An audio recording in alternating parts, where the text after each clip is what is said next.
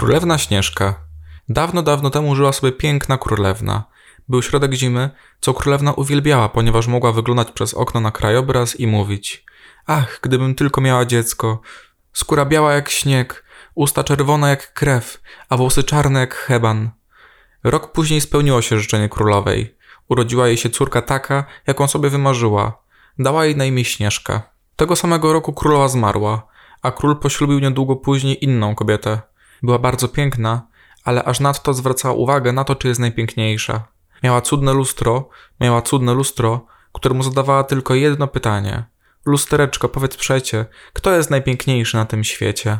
A lustro zawsze odpowiadało: Tyś, pani, jesteś najpiękniejsza. Królowa wiedziała, że lustro nie kłamie, jednak pewnego poranka po raz kolejny zadała to samo pytanie. Otrzymała szokującą odpowiedź. Królewno, wierzę, że jesteś przepiękna, ale to Śnieżka jest najpiękniejsza teraz. Królowa zzieleniała z zazdrości. Wiedziała bowiem, że lustereczko mówi prawdę. Zdenerwowana kazała łowcy zwabić Śnieżko do lasu i ją zabić. Miał także wyciąć jej serce jako dowód. Łowca zabrał Śnieżkę do lasu. Kiedy wycelował w nią strzelbę, błagała go, by jej nie zabijał. Łowca nie mógł tego zrobić. Dziewczyna była tak urzekająco piękna i tak młoda. Zabił jelenia i oddał królowej serce zwierzęcia. Królewna Śnieżka wiedziała, że nie może wrócić do domu. Uciekła daleko w las, aż dotarła do chaty, gdzie stóp zastawiony był siedmioma talerzami i siedmioma filiżankami. Królewna Śnieżka była głodna. Wzięła coś z talerza i napiła się z kubka. Tam zobaczyła siedem łóżek ustawionych w rzędzie. Zsunęła z łóżka i zasnęła. Tego samego wieczoru do domu wróciło siedmiu krasnoludków z pracy. Ktoś siedział na moim krzesełku? spytał pierwszy krasnolud. Ktoś jadł z mojego talerza? zapytał drugi. Potem zobaczyli leżącą tam Śnieżkę. Ach, jaka słodka dziewczyna i jaka jest piękna! Szepnęła cała siódemka. Nazywam się Królewna Śnieżka, powiedziała następnego ranka i opowiedziała historię myśliwego.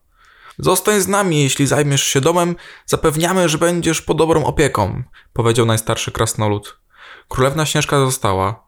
W ciągu dnia była sama, więc krasnoludy poprosiły ją, by była ostrożna. Tymczasem, tymczasem królowa zapytała lustro, kto jest najpiękniejszy.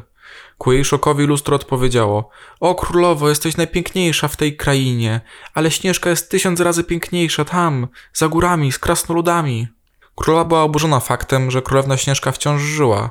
Wymyśliła więc podstęp, gdzie ubrała się jak stara wieśniaczka, zapukała do okna krasnoludzkiego domu, a gdy królewna Śnieżka otworzyła ostrożnie okno, księżniczka powiedziała: Witaj, dziecko, mam tu pyszne jabłka. Chciałabyś skosztować jednego?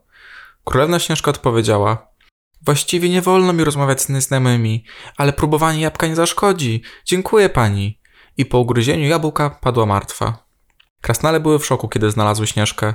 Wyglądała jak gdyby spała, więc ułożyli ją w szklanej trumnie. Pewnego dnia w lesie pojawił się książę. Bardzo zauroczył się w Śnieżce i zapytał krasnali, czy może ją ze sobą wziąć. To ich poruszyło i zgodzili się. Po podnoszeniu trumny kawałek zatrutego jabłka wypadł Śnieżce z gardła. Otworzyła oczy i ujrzała przystojnego księcia. A co się stało z macochą? Nadal pozostaje tą zagadką. Niektórzy mówią, że zamieniła się w kamień. Nie jest to jednak pewne. Co było z kolei pewne to, że Śnieżka nie musiała się nią przejmować i żyła z księciem długo i szczęśliwie.